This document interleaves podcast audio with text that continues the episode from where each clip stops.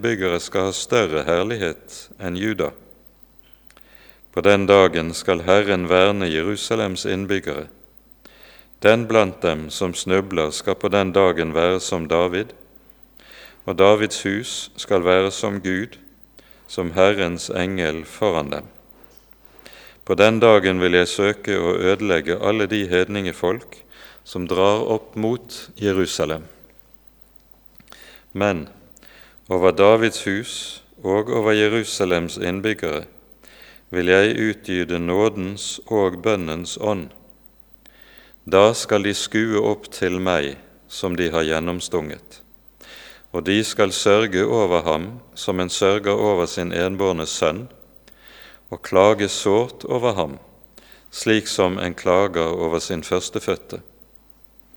På den dagen skal sorgen bli stor i Jerusalem, som sorgen over ulykken i Hadadrimon i Megiddos dal.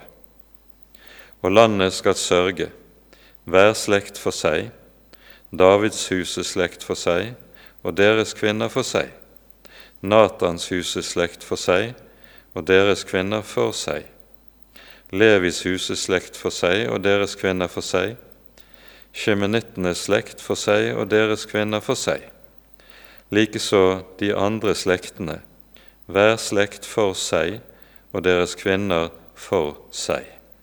Amen.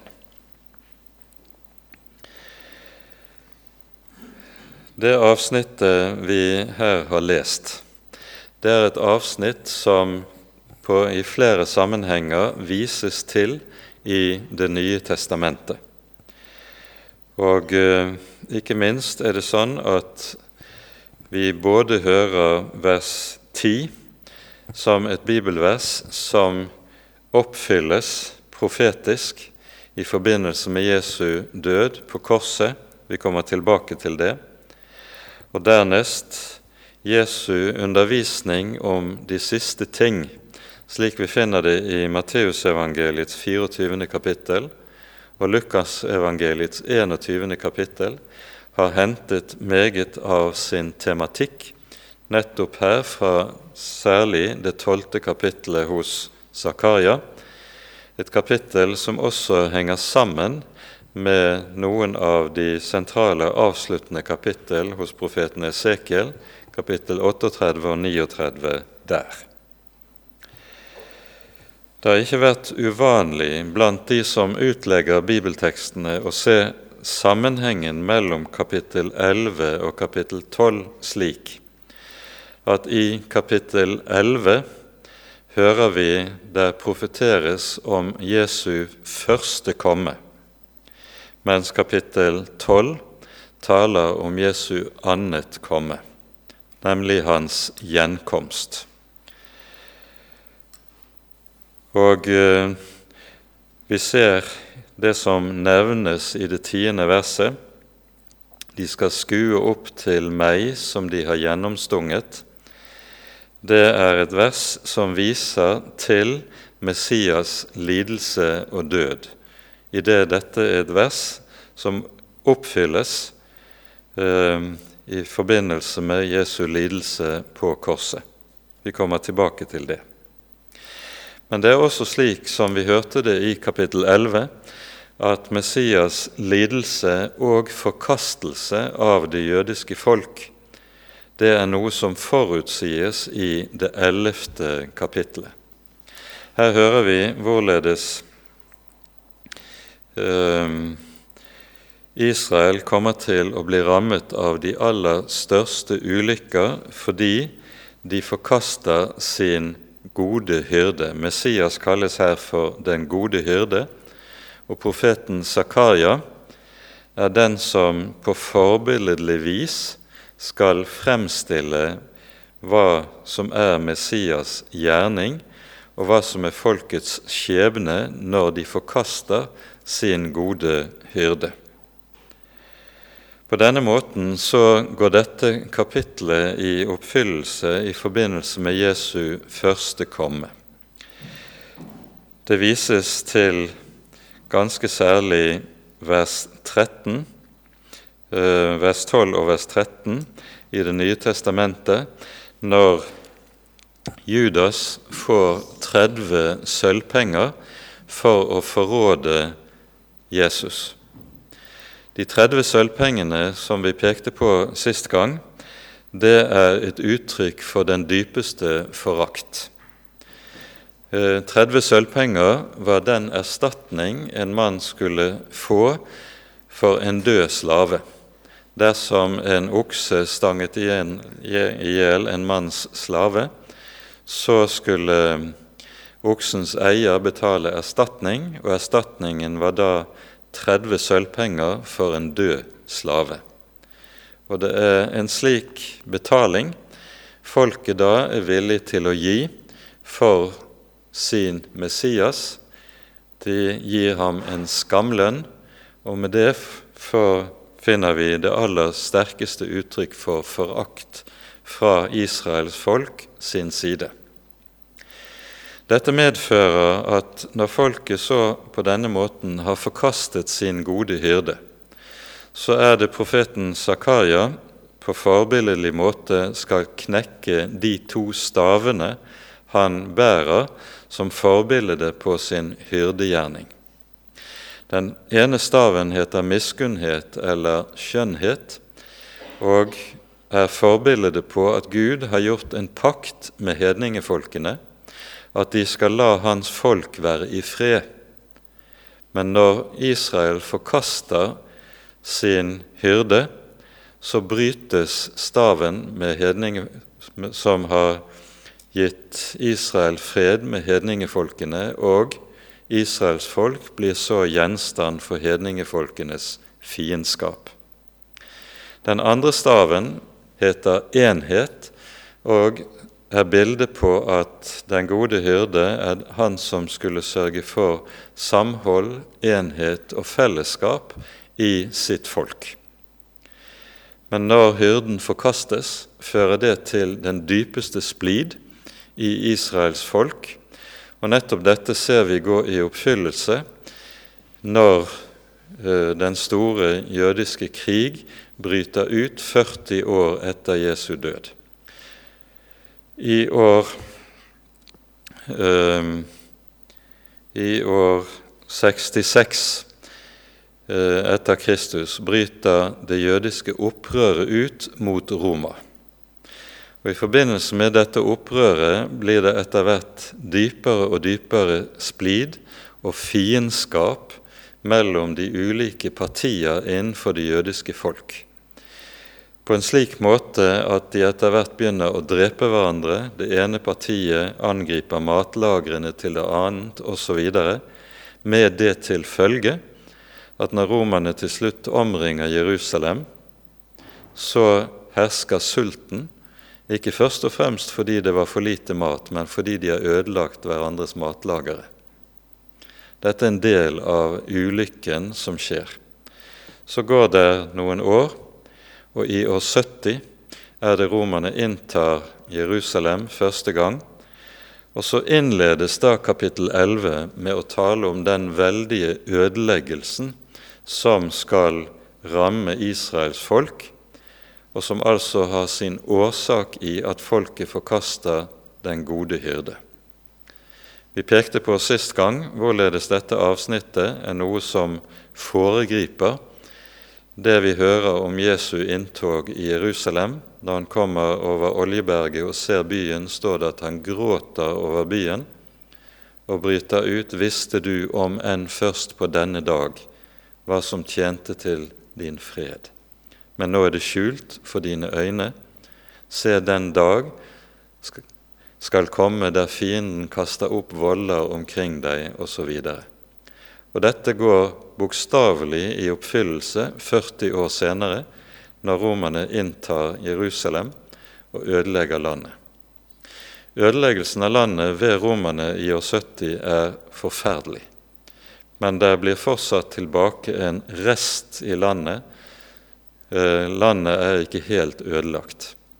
Katastrofen i år 70 er likevel meget stor.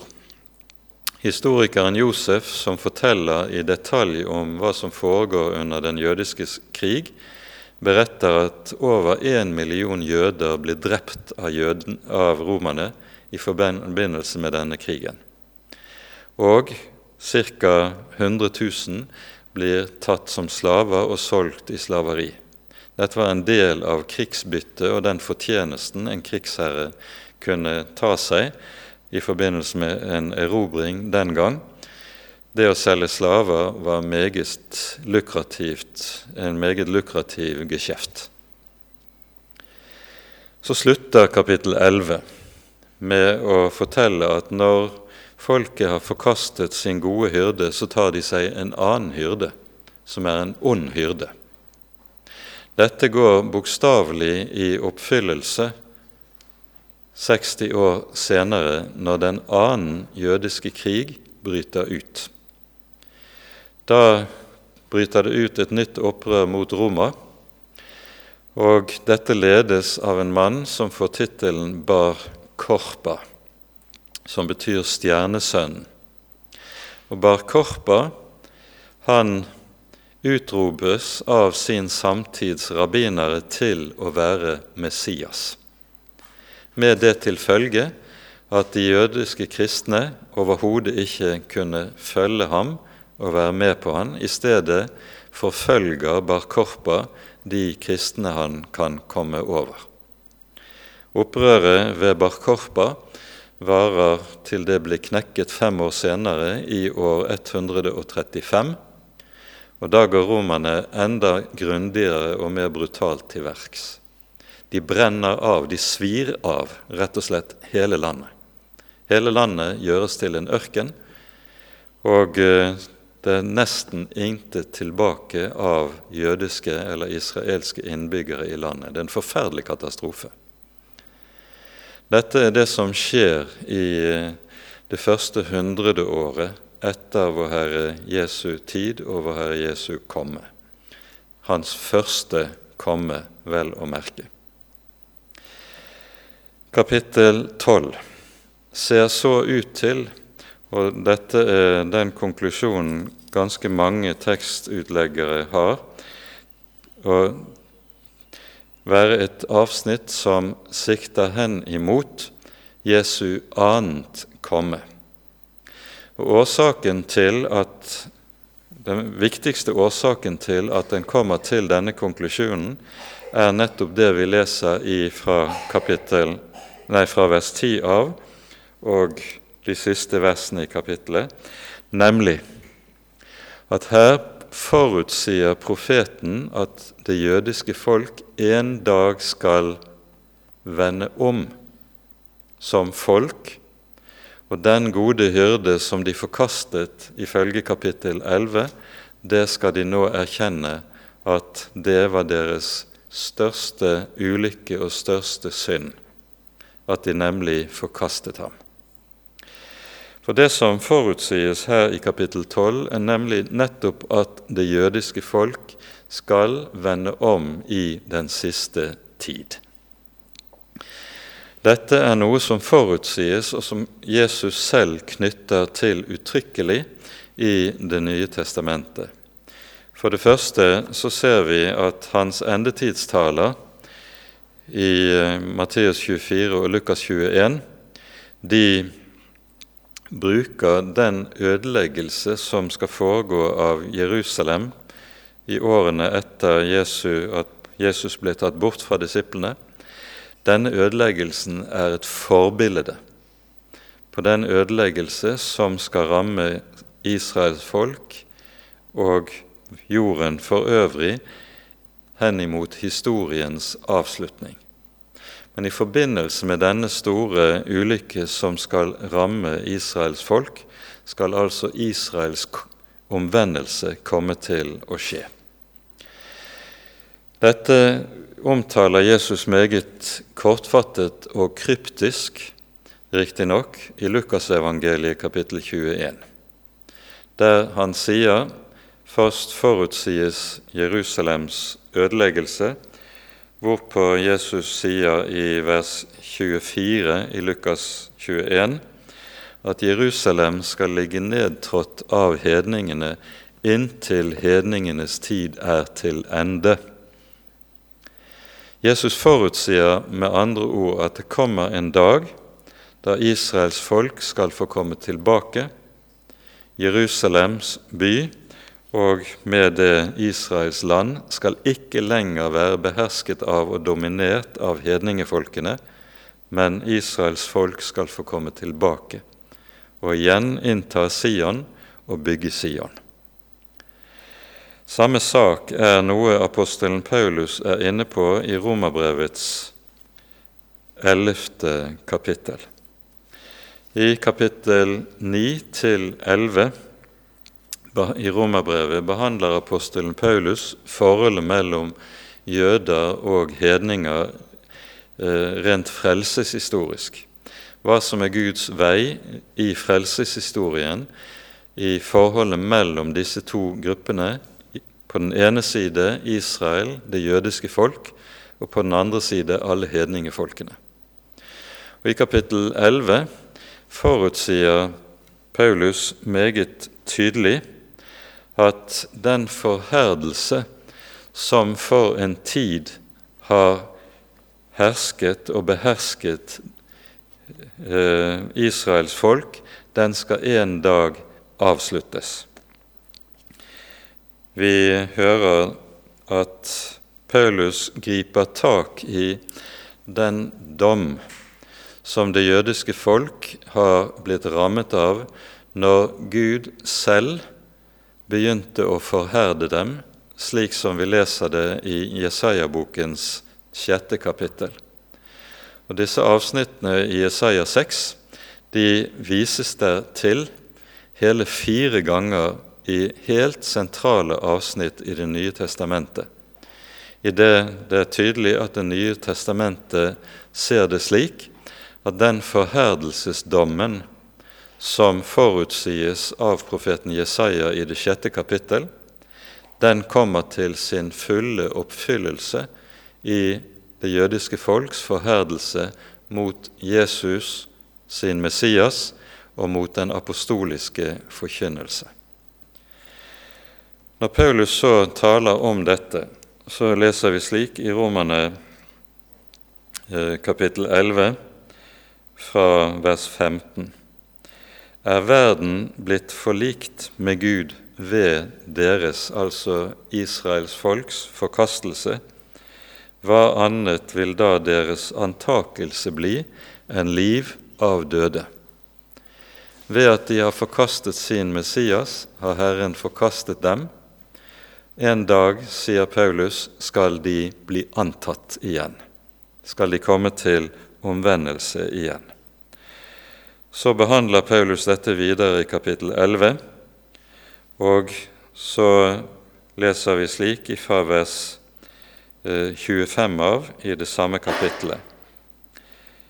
Paulus sier, 'Jeg vil ikke, brødre, at dere skal være uvitende om dette mysterium, for at dere ikke skal anse dere selv for kloke.' Forherdelse er for en del kommet over Israel inntil hedningenes fylde er kommet inn. Og så, eller slik, skal hele Israel bli frelst, som det står skrevet, fra Sion skal befrieren komme. Han skal rydde bort ugudelighet fra Jakob. Og dette skal være min pakt med dem når jeg tar bort deres synder. Det sies her altså at den forherdelse som råder over brorparten av det jødiske folk, den skal en dag tas bort. Og det jødiske folk skal med det så omvende seg, komme til å bli et kristent folk. Og det skal skje når hedningenes fylde er kommet inn det betyr, og det sikter til nøyaktig det samme som Jesus er inne på i Lukasevangeliet. Jerusalem skal ligge nedtrådt av hedningene inntil hedningenes tid er til ende. Det at hedningenes tid er til ende, sikter til det at den periode i frelseshistorien der evangeliet skal forkynnes for alle jordens folkeslag, lakker mot sin avslutning, og folkeslagene, det er ikke flere som vil komme til omvendelse blant folkeslagene. Da er hedningenes tid i ferd med å gå mot sin ende, og nettopp når denne perioden i historien kommer, er det at det jødiske folk skal begynne å vende om til Jesus som sin Herre og sin Frelser. Og Det er godt mulig at det er nettopp dette vi begynner å se i våre levedager. Dette får være sånn i all korthet når det gjelder det rent frelseshistoriske i dette. Det som kapittel 12 hos Zakaria peker på, er at denne Israels omvendelse den skal ledsages av å skje i forbindelse med en veldig trengselstid for det jødiske folk. Det sies uttrykkelig i vers 2 Jeg gjør Jerusalem til en tumleskål for alle folkeslag rundt omkring. Og så i vers 3 Jeg vil gjøre Jerusalem til en løftestein for alle folkeslag. Og så sies det alle som løfter på den, skal såre seg selv. Det er en stein som altså er så tung at de som prøver å løfte på den, de bryter ryggen. Det vet noen av enhver som har prøvd å løfte ting som er litt for tunge. Da skader man ryggen og kan ødelegge sin ryggrad. Det er noe av dette som skal komme til å skje. Alle folkeslag skal vende seg mot Israels folk, og nettopp i den trengselstid som så kommer, er det at Israels omvendelse skal komme til å finne sted. Den trengselstiden som det her er tale om, er beskrevet nærmere i kapittel 14. Og vi kommer til å komme tilbake til det neste gang. Det er ikke tid for å gå inn på det i denne sammenheng. Det som er av stor betydning å være klar over, er hvordan dette kapittelet innledes. Det sies slik Dette utsagnet Herrens ord om Jerusalem. Så sier Herren som utspente himmelen og grunnfestet jorden, og dannet menneskets ånd i hans indre. I grunnteksten står det, disse ordene ikke i fortidsform, men de står i nåtidsform. Altså bokstavelig står det 'Så sier Herren som utspenner himmelen', som grunnfester jorden, og som danner menneskets ånd i hans indre.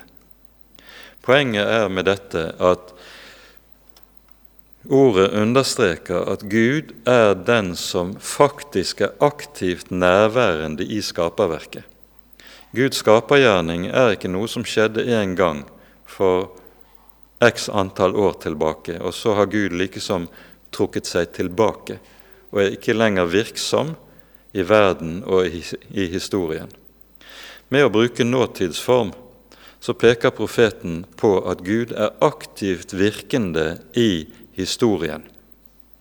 Og like allmektig som han var da han kalte himmel og jord frem av intet, slike, like aktiv og allmektig er han i sitt skaperverk når han styrer historien, og nærmere bestemt av den historie som her beskrives for det jødiske folk.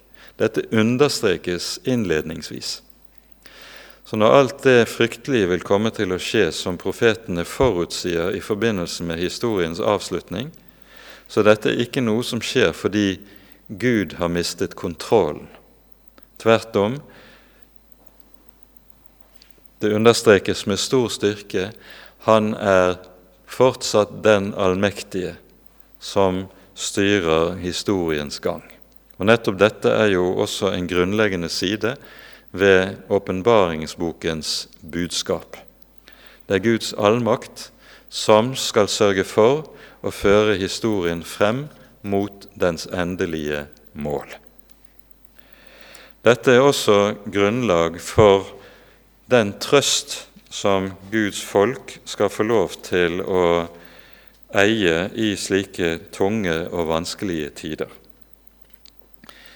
Vi hører en rekke steder i Salmenes bok at nettopp dette poeng som vi her peker på, det er noe som er grunnlag for trøstetalen fra Herren. Vi nevner her bare eksempelvis Salme 146.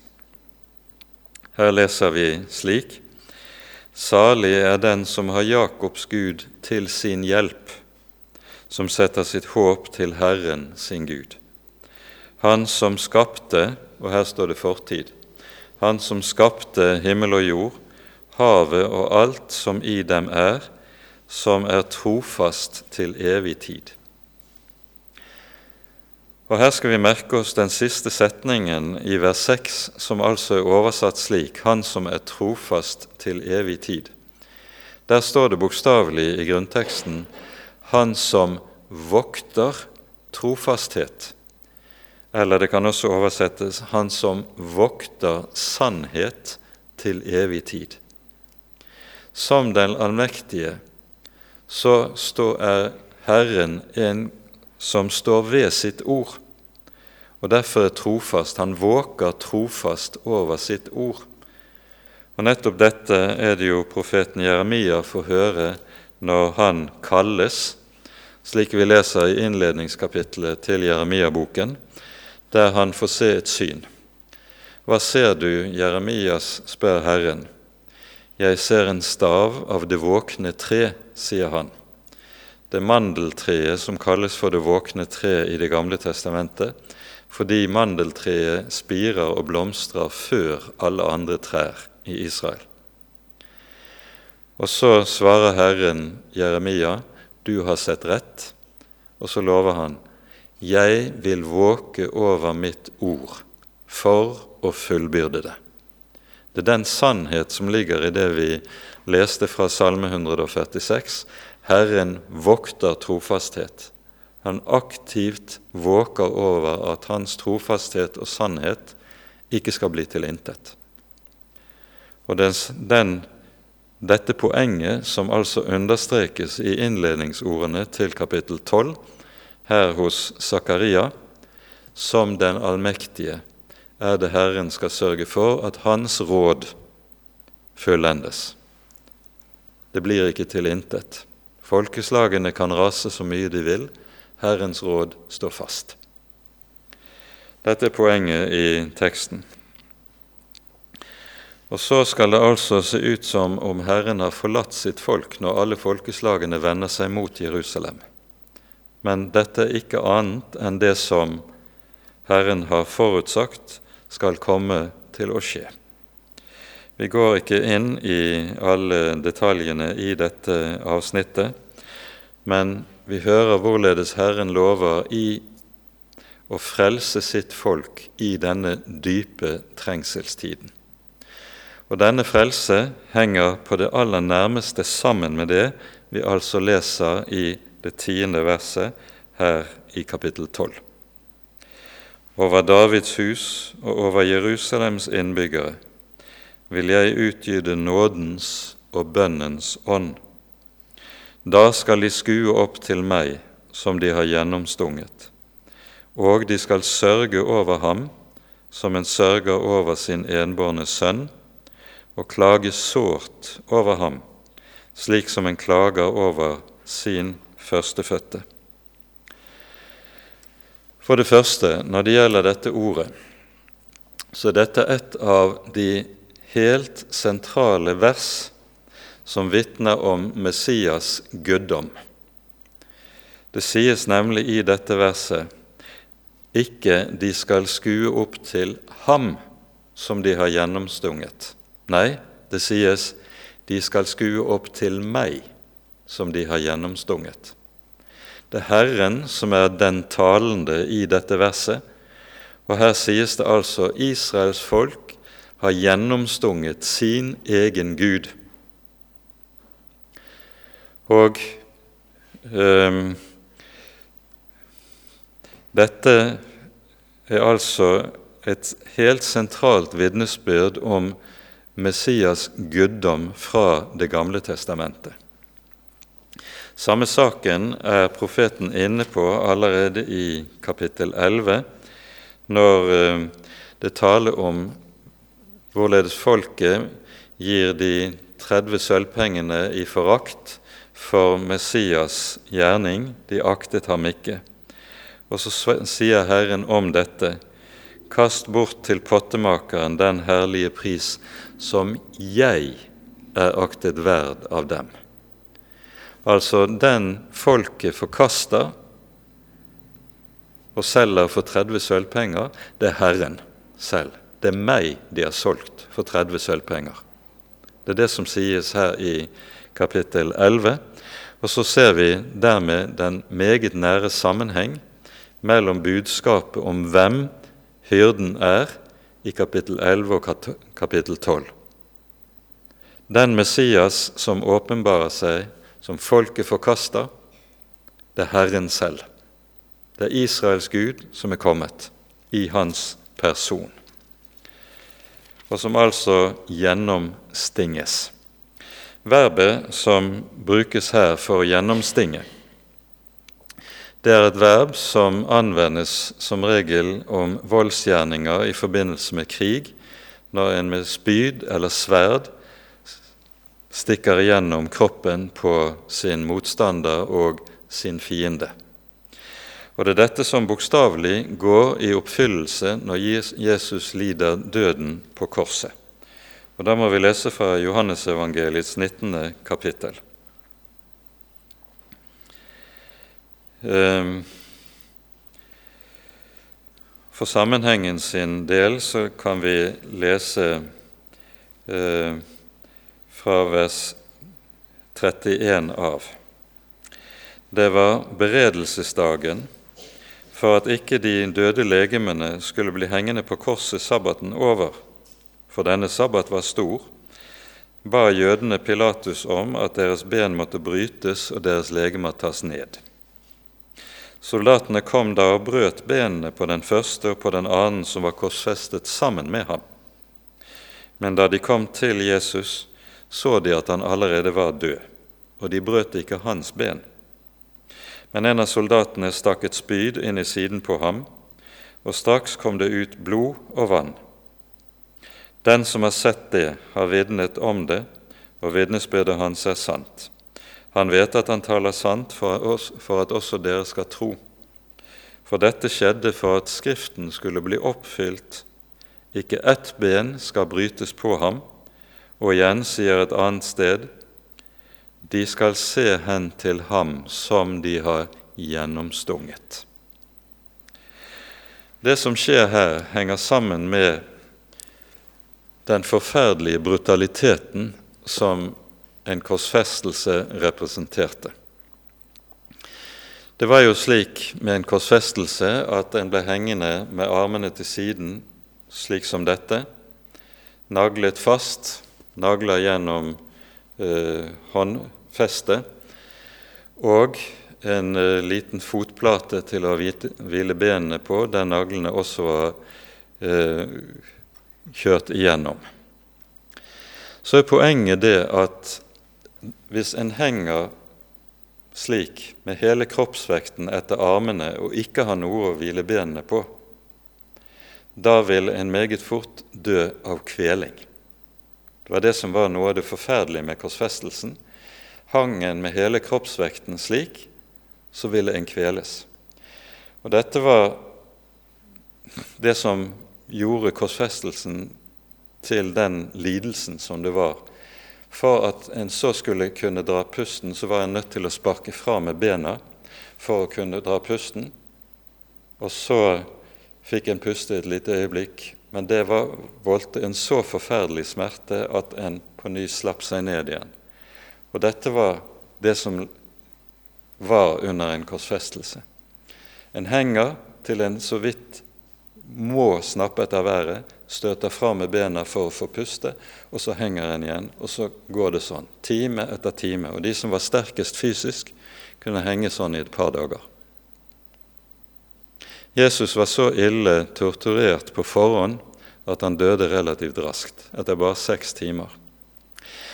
Men når det står da at det var beredelsesdagen, og derfor skulle kroppene ikke bli hengende over sabbaten, så gjorde soldatene på den måten at de rett og slett eh, tok klubber og knekket beina, leggbenene, til de to stakkars røverne som hang ved siden av Jesus, slik at de ikke lenger ville være i stand til å skyve fra for å få pusten. Og Dermed så døde de av kvelning etter et par minutter. Jesus var allerede død, og derfor trengte ikke soldatene å bryte bena hans, slik som vi hører det her. I stedet kjører de et spyd gjennom siden hans for sikkerhets skyld. Han blir gjennomstunget. Og Her brukes nettopp det verbet som handler om den voldsgjerningen som gjøres med spyd eller sverd. De skal skue opp til ham som de har gjennomstunget, sier de, eller til meg som de har gjennomstunget. Dermed sies det også uttrykkelig at den Gud som er Israels Gud, han skal komme til å lide en voldsdød. Han skal gjennomstinges. Og det er denne lidelse, det er denne forferdelige død, som også forutsies uttrykkelig i Davids salme 22. Der hører vi salmen innledes med Jesu ord, som Jesus også roper ut når han henger på korset. Min Gud, min Gud, hvorfor har du forlatt meg? Og så beskrives hans lidelse videre utover i de 21 første versene av salmen. Og når vi kommer til vers 17 i Salme 22, sies det også de har gjennomboret mine hender og mine føtter. Og verset etterpå de har kastet lodd om mine klær. Ingenting av det som sies i Salme 22, er noe som kunne sies om David. Salmen er jo skrevet av David, men disse ting som vi hører beskrevet i Salme 22, de skjedde aldri med David som person. Det skjedde ikke med ham i hans liv. Derfor er ordene vi leser i Salme 22, profetisk beskrivelse forut av det som skal komme til å skje med Messias i hans lidelse. Og Salme 22 henger nøye sammen med, også med Salme 20 og Salme 21, som begge i sin helhet er det vi kan kalle for messianske salmer, salmer som taler om den kommende Messias. Så Salme 22 avslutter eh, en trilogi på tre salmer som alle handler om Messias. Den siste handler altså om Messias lidelse. Men denne siste salme 22 handler også om hans oppstandelse. For mens hans død beskrives i de 21 første vers, så beskrives hans opphøyelse i salmens avslutning fra vers 22 av. Han opphøyes, og hans navn skal forkynnes blant folkeslagene, sies det, på en slik måte at hedningefolkene også skal komme til omvendelse ved ham. Så dette er noe av den bibelske sammenheng vi står overfor i i denne teksten, og som gjør dette avsnittet så utrolig betydningsfullt som det er. De skal skue opp til meg, som de har gjennomstunget. Den som er den talende, det talende subjekt her i Sakarias 12, det er altså Herren Jesus før Hans komme i kjød. Og Han vet meget godt at når Han stiger inn i verden, blir menneske av kjøtt og blod, så er det med ett formål for øye det er å lide døden for vår skyld. Som Gud av evighet, og Gud er ånd, ikke kjøtt og blod. Som Gud av evighet er han udødelig. Når han kler seg i kjøtt og blod, så er kjøtt og blod dødelig. Og han kler seg i kjøtt og blod for å kunne dø for å kunne bli dødelig. Og på denne måten blir den udødelige Gud dødelig i mennesket Jesus Kristus i og med inkarnasjonen. Og Dette er hemmeligheten i Bibelens budskap om Jesu person. De skal skue opp til meg, som de har gjennomstunget. Brutalt og konkret har det skjedd. Dette skal altså komme til å føre til Israels omvendelse. Det er en omvendelse som fører til dyp, dyp sorg i Israels folk. En sorg som bare har sin parallell i, men også sitt forbilde i, det vi leser om Josef og hans brødre. Og På mange måter er fortellingen om Josef og hans brødre forbildet på det som er forholdet mellom Jesus Messias og det jødiske folk. Josefs brødre selger Josef til slaveri i Egypt. Brødrene tror han er borte, brødrene tror han er død. Men Josef opphøyes, og når Josef til slutt gir seg til kjenne, fører det til gråt og stor forferdelse for brødrene. Men Josefs, det at de kjenner ham igjen, det blir samtidig også til deres liv. For det er Josefs trelldom og trellestand i Egypt som fører til at Josefs familie kan overleve den store hungersnød som kom til å råde i hele Midtøsten i denne perioden. Og Slik blir altså fortellingen om Josef forbildet for det som skjer mellom Jesus Messias og hans jordiske eller kjødelige frender. De skal sørge sårt over ham, som en sørger over sin første, første som en klager over sin enbårne. Og så beskrives det hvordan sorgen skal gå inn i hver eneste familie. Og dette konkretiserer at sorgen skal gjelde ikke bare sånn allment sånn i folkelivet, men det skal gå inn i hvert hjem, i hvert hus, så det blir noe dypt personlig i folkets hus og familier.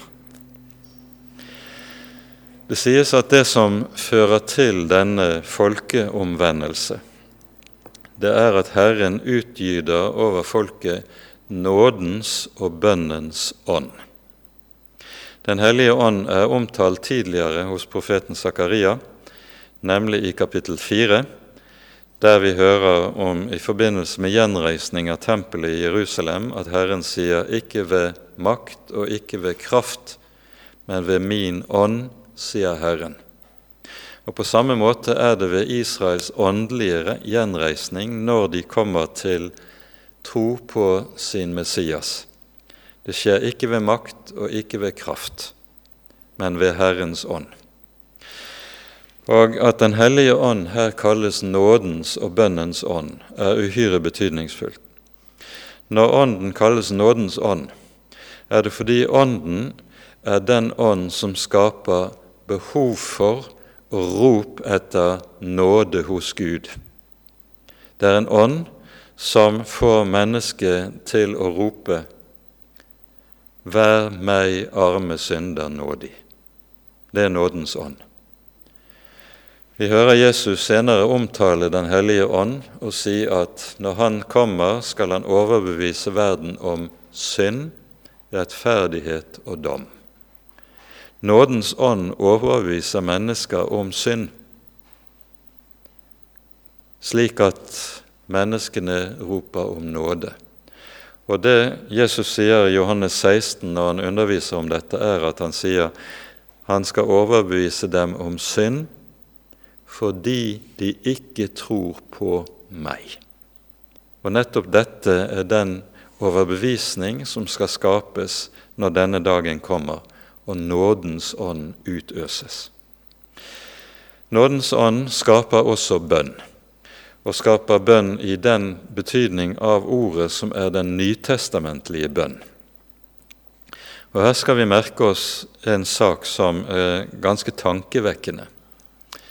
Vi hører det fortelles om Paulus at når han blir omvendt utenfor Damaskus og føres blind inn i byen, så eh, oppsøker Herren en av sine disipler i Damaskus og sier du skal gå og gjeste eh, Saulus. Han bor i den gaten som kalles for Den rette, og legge hendene på ham. Og så sies det 'for han ber'. Jesus sier altså dette som begrunnelse for han ber. Hadde ikke Paulus bedt før denne tid? Jo, som fariseer så har Paulus i aller høyeste grad vært en som ba. Fariseerne ba fast tre ganger om dagen, dagen, morgen, middag og kveld. Det hørte med til det som var den faste ordning, og som en meget nidkjær og overbevist fariseer så har Paulus sannelig bedt i den betydning av ordet. Men nå sier altså Herren, for han ber. Det er først nå Paulus ber i ordets egentlige kristne forstand. All Paulus' bønner tidligere hadde bare vært gode gjerninger. Og gode gjerninger, lovgjerninger, er noe som ikke aktes, og som i stedet regnes som skarn. Vi hører Paulus si det i Filippabrevet. Men nå, nå er Paulus en som har fått del i nådens og bønnens ånd. Han ber. Og det er dette som er tankegangen når vi leser det vi hører i dette ordet. Der Den hellige ånd kommer inn, der får et menneske ubehjelpelig behov for nåden i vår Herre Jesus Kristus. En nåde som bare finnes hos Han som blir gjennomstunget, og som hang på et tre. Han hang der på vår skyld. Han hang der for å sone all vår synd, bære våre hårde hjerter med seg inn i død og grav for at vi skal bli frie. Og så sender Herren nådens og bønnens ånd for å dra deg og meg inn til ham. Og hva er det nådens og bønnens ånd bevirker? Jo, sies det her, de skal se opp til ham som de har gjennomstunget. Og Her brukes nøyaktig det samme ordet som anvendes i 4. Mosebok kapittel 21, der vi hører tale om kobberslangen. Folket er under Guds dom. De bites av slanger som er giftslanger, og mange dør i leiren. Og Når Moses går i forbønn for folket og ber Herren om å frelse dem, så sier Herren, du skal lage deg en kobberslange sette den på toppen av en stake, og så vil jeg gjøre slik at hver den som er bitt og ser på slangen, skal leve. Og Det ordet som brukes her i grunnteksten for å se, det er nettopp samme ordet som anvendes her i Sakarias 12. De skal se opp til Han som de er gjennomstunget, og gjennom å se ham så får de livet akkurat som Israel fikk det ved å se på kobberslangen. Ved å se på kobberslangen ble de fridd fra slangens gift. Ved å se opp til Han som ble gjennomstunget, er det vi òg fris fra slangegiften, nemlig djevelens bitt, som har lagt, underlagt oss under syndens og dødens herredømme. Vi skal se opp til ham, og så skal vi leve det er budskapet som ligger i denne teksten, og vi skal takke Gud for at Han på denne måten har talt til oss om hva vi eier i Ham som blir gjennomstunget, og samtidig gitt oss lys over tider som kommer. Med det setter vi punktum for kveldens bibeltime, og fortsetter i neste gang i kapittel 13 og 14. Ære være Faderen og Sønnen og Den hellige ånd, som var og er og være skal, en sann Gud, høylovet i evighet. Amen. La oss sammen be Herrens bønn. Vår Far i himmelen. La navnet ditt helliges. La riket ditt komme. La viljen din skje på jorden slik som i himmelen. Gi oss i dag vårt daglige brød, og tilgi oss vår skyld, slik også vi tilgir våre skyldnere. Og la oss ikke komme i fristelse, men frels oss fra det onde. For riket er ditt, og makten og æren i evighet. Amen. Ta imot Herrens velsignelse. Herren velsigne deg og bevare deg. Herren la sitt ansikt lyse over deg og være deg nådig. Herren løfte sitt åsyn på deg og gi deg fred. Amen. Med det sier vi takk for i kveld. Vel hjem til alle sammen.